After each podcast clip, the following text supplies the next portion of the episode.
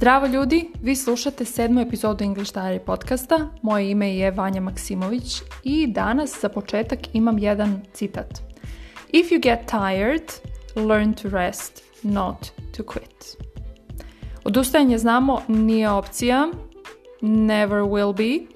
Zato smo tu, učimo, učimo, učimo, vežbamo, međutim ponekad se umorimo, to je potpuno normalna stvar, ali treba da naučimo kako da odmaramo, kako da pravimo pauze, kakve pauze treba praviti ako već pravite pauzu u učenju jezika. Danas pričamo o tome, spremite se kao i uvek, spremite tu svoju svesku, skuvajte sebi kaficu pa da krenemo.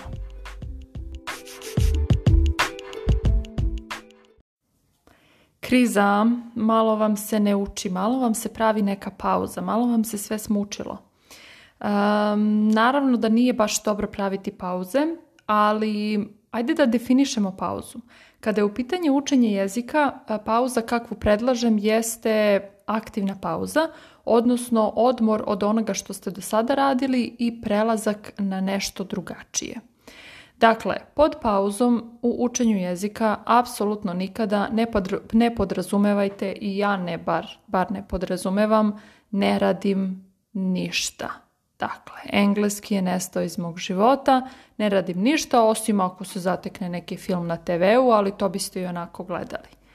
Takve pauze apsolutno ne preporučujem, naročito ako već nekoliko mjeseci ili godinu dana učite i hoćete da nastavite da učite, ali ste se nekako zamorili, umorili, smorili, um, posta, sve vam je jednolično, um, ili nemate vremena za to toliko, koji god da je razlog, koji god da je razlog, jednostavno sa učenjem jezika se ne prestaje.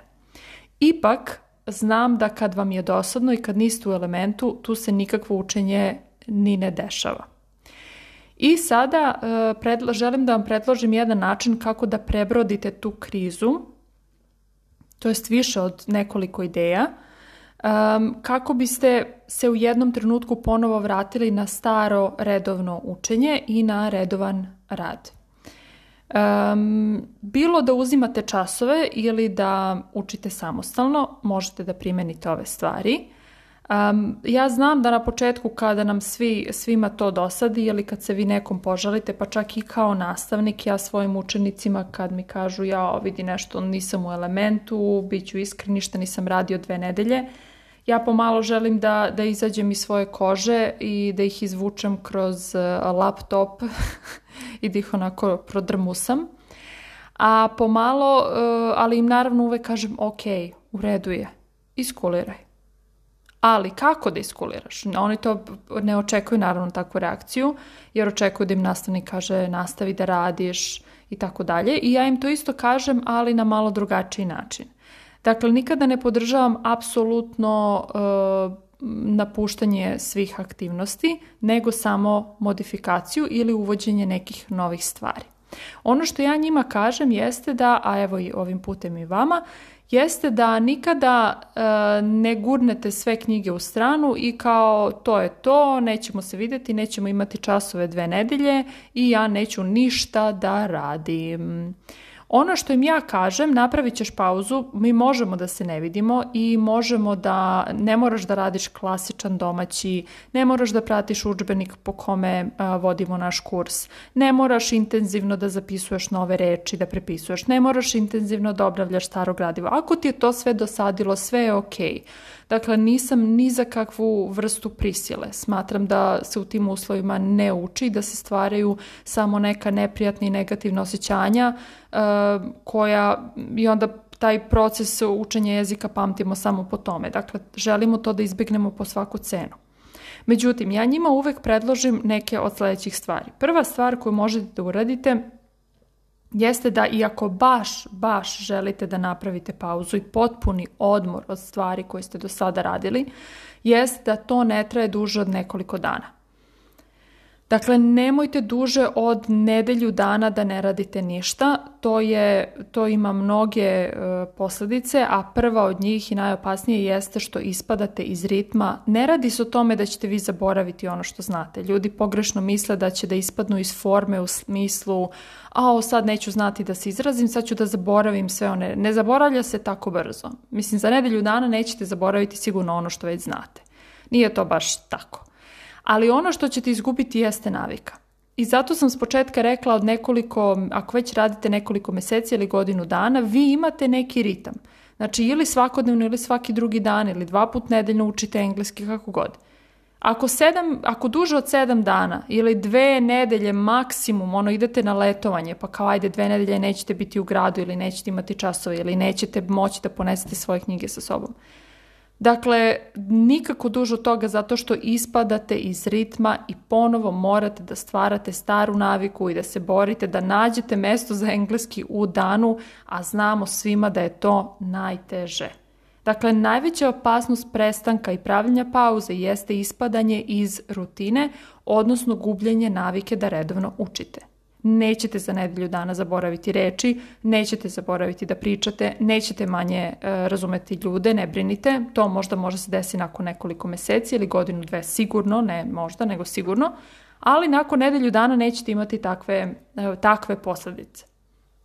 Iskreno meni je strašnija ova posljedica da izgubim naviku i da posle toga mi treba još dva tri meseca da se vratim u ritam, jer onda gubiti naredna dva tri meseca. Tako da e, ako baš morate napravite vrlo kratku pauzu, ali ne preporučujem. Uh, ono što možete da uradite jeste da smanjite tempo. To je jedan od savjeta. Dakle, smanji tempo. Ne mora da bude svakog dana učenje. Ne mora da bude uh, časovi, ne moraju časovi da budu 3-4 puta nedeljno, pa čak ni 2 puta nedeljno. Dakle, možete da e, kažete sad ću malo da smanjim obim posla. Kao kad prestanete sa teškim treninzima, ali idete u šetnje. I dalje ste fizički aktivni ili odete na plivanje, ali ne idete u teretanu da dižete tegove ili da idete svaki dan sat, sat i po vremena da radite neki naporan trening. Dakle, to je prvi, prvi savjet. Smanjite tempo umjesto da potpuno prekinete. Drugi savjet jeste da idete linijem, linijom pardon, manjeg otpora. Radite ono što vam je lako. Evo, sada možete sebi da dozvolite, radite ono što vam je lagano, ono što vam ide od ruke, ono zašto vam ne treba poseban napor. kao kad recimo ste u moru, plivate i onda u jednom trenutku osjetite da vam treba malo da vam treba predah, da ste se umorili onda šta vi radite? Ne izlazite na obalu. Ako ste u sredini mora, mislim u sred vode, ne, ne možete da izađete na obalu, nego stanete pa se održavate u mestu. I održavanje u vodi je na neki način odmor. Ali nije odmor od plivanja pre nego što nastavite dalje da plivate. Ali to nije potpuni odmor. Dakle, niste izašli na, na plažu i legli sad vi ne radite ništa. Eto, tako, tako ću vam to predstaviti. Tako da radite sve ono što je vama lično lako, lako ide. E, ja vam to neću sad, ne mogu da to um, predlažem zato što e, ne znam kakav ste učenik i šta je vama zanimljivo. Za neke bi to možda bilo da gledaju filmove ili da započnu ovu seriju ili eventualno da za nekoga će to biti obnavljanje starog gradiva. Znači da ne uči ništa novo, ali da samo prelistava staru svesku ili da sluša podcast, neki novi podcast ili da posluša neku audio knjigu. Znači um, to je ono što uzmite jednu knjigu na engleskom i kažete evo naredne dve nedelje neću ništa drugo da radim, samo ću da pročitam ovu ili još, još još jednu knjigu, dve knjige na engleskom i to je to. Ništa, sve vreme koje imate možete da uložite u to ako svakako već volite čitanje i ta knjiga vam stoji na listi. Dakle, radite ono što vama lično je najlakše dok malo e, se ne odmorite. Ajde tako kažem, to je jedna, reći vam kasnije, ja volim da ih zovem aktivnim pauzama. Sljedeći savjet e, jeste da radite ono što vam je najzabavnije. Pretpostavljam da ono što vam ide lako je negde vama i zabavno. Opet birajte aktivnosti prema svojim afinitetima Mm, e, opet to naravno nemojte da ako volite komedije ili ako ste već duže vremena želite da pogledate neku seriju, onda e, ona vam je zabavna ili hoćete, volite da gledate, ne znam, animirane filmove na engleskom ili dokumentarce, radite to. Neka ovo bude kao evo naredne dve nedelje, neću ništa novo započinjati, ali ću ove dve nedelje da pogledam svih, ne znam, pet dokumentaraca koji mi stoje odavno koje želim da pogledam, a nisam do sada jer sam ih video kao gubljenje vremena ili kao nisam imao vremena za to jer sam učio engleski. Naravno, podrazumeva se da sve ove knjige i dokumentarci treba da budu na engleskom. Zato je to aktivna pauza. Dakle, drugi jezici nisu u igri. Mislim, ako učite neki drugi jezik, ok, ali ako učite engleski, onda radite sve na engleskom.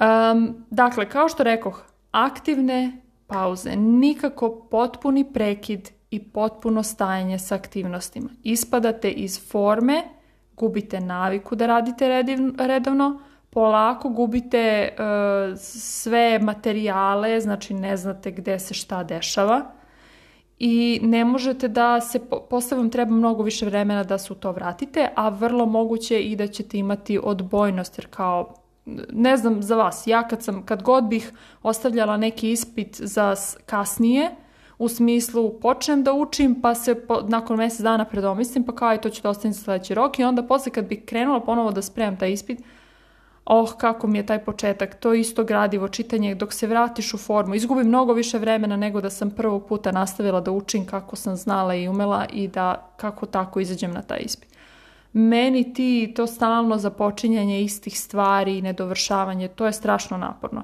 A to ljudi često rade sa svojim učenjem i zato im se e, zato imaju odbojnost svaki sljedeći put kad krenu i kad im neko kaže da treba da rade present simple, present continuous. Oni kao, bože, koliko puta ću to da radim, koliko puta sam samo to radio. Opet isto, opet isto, opet isto. I onda im je dosadno, onda odustaju od osade i tako dalje. Ali kad pominjem ove pauze, mi vrlo često pravimo pauzu E, pauze u svemu i u trenizima i evo držat ću se konkretno naše teme učenja engleskog. Ali ljudi, e, mislim da e, mi ne znamo da pravimo pauze, to sam već pričala na Instagramu, stvarno ne znamo. Prva ja, ajde, ne u svim slučajevima, ali u nekoliko slučajeva zapravo ta pauza bude potpuni prekid i neko ono, potpuno neki lazy, ne znam, holiday. Pa nije ni holiday, holiday ima neku neku pozitivnu konotaciju, bar za mene. I onda e, šta se dešava? Dešava se da se ta pauza od nedelju dana ili od dve nedelje vrlo brzo pretvori u mjesec dana, u dva mjeseca, u čekamo novi septembar, čekamo novi prvi januar, čekamo da se vratimo sa letnjeg odmora, čekamo da završimo još ovo na poslu i onda prođe godinu dana dok si rekao keks i kao jo, kad beš ono nedelju dana kad sam napravio pauzu. Dakle, ne znam šta je teže, da li je teže početi ili je teže izgurati kad vam je teško, zavisi vjerojatno od osobe do osobe, nije lako ni jedno ni drugo, ali ako ste već učili i ako ste već uložili dosta vremena i uložili pa i na kraju krajeva i novac i trud, e, šteta bi bilo da pravite duge pauze. Tako da u učenju jezika e, te ekstremne pauze ne radim ništa, preporučujem samo u vrlo kratkim periodima kada hoćete sebe možda i da nagradite.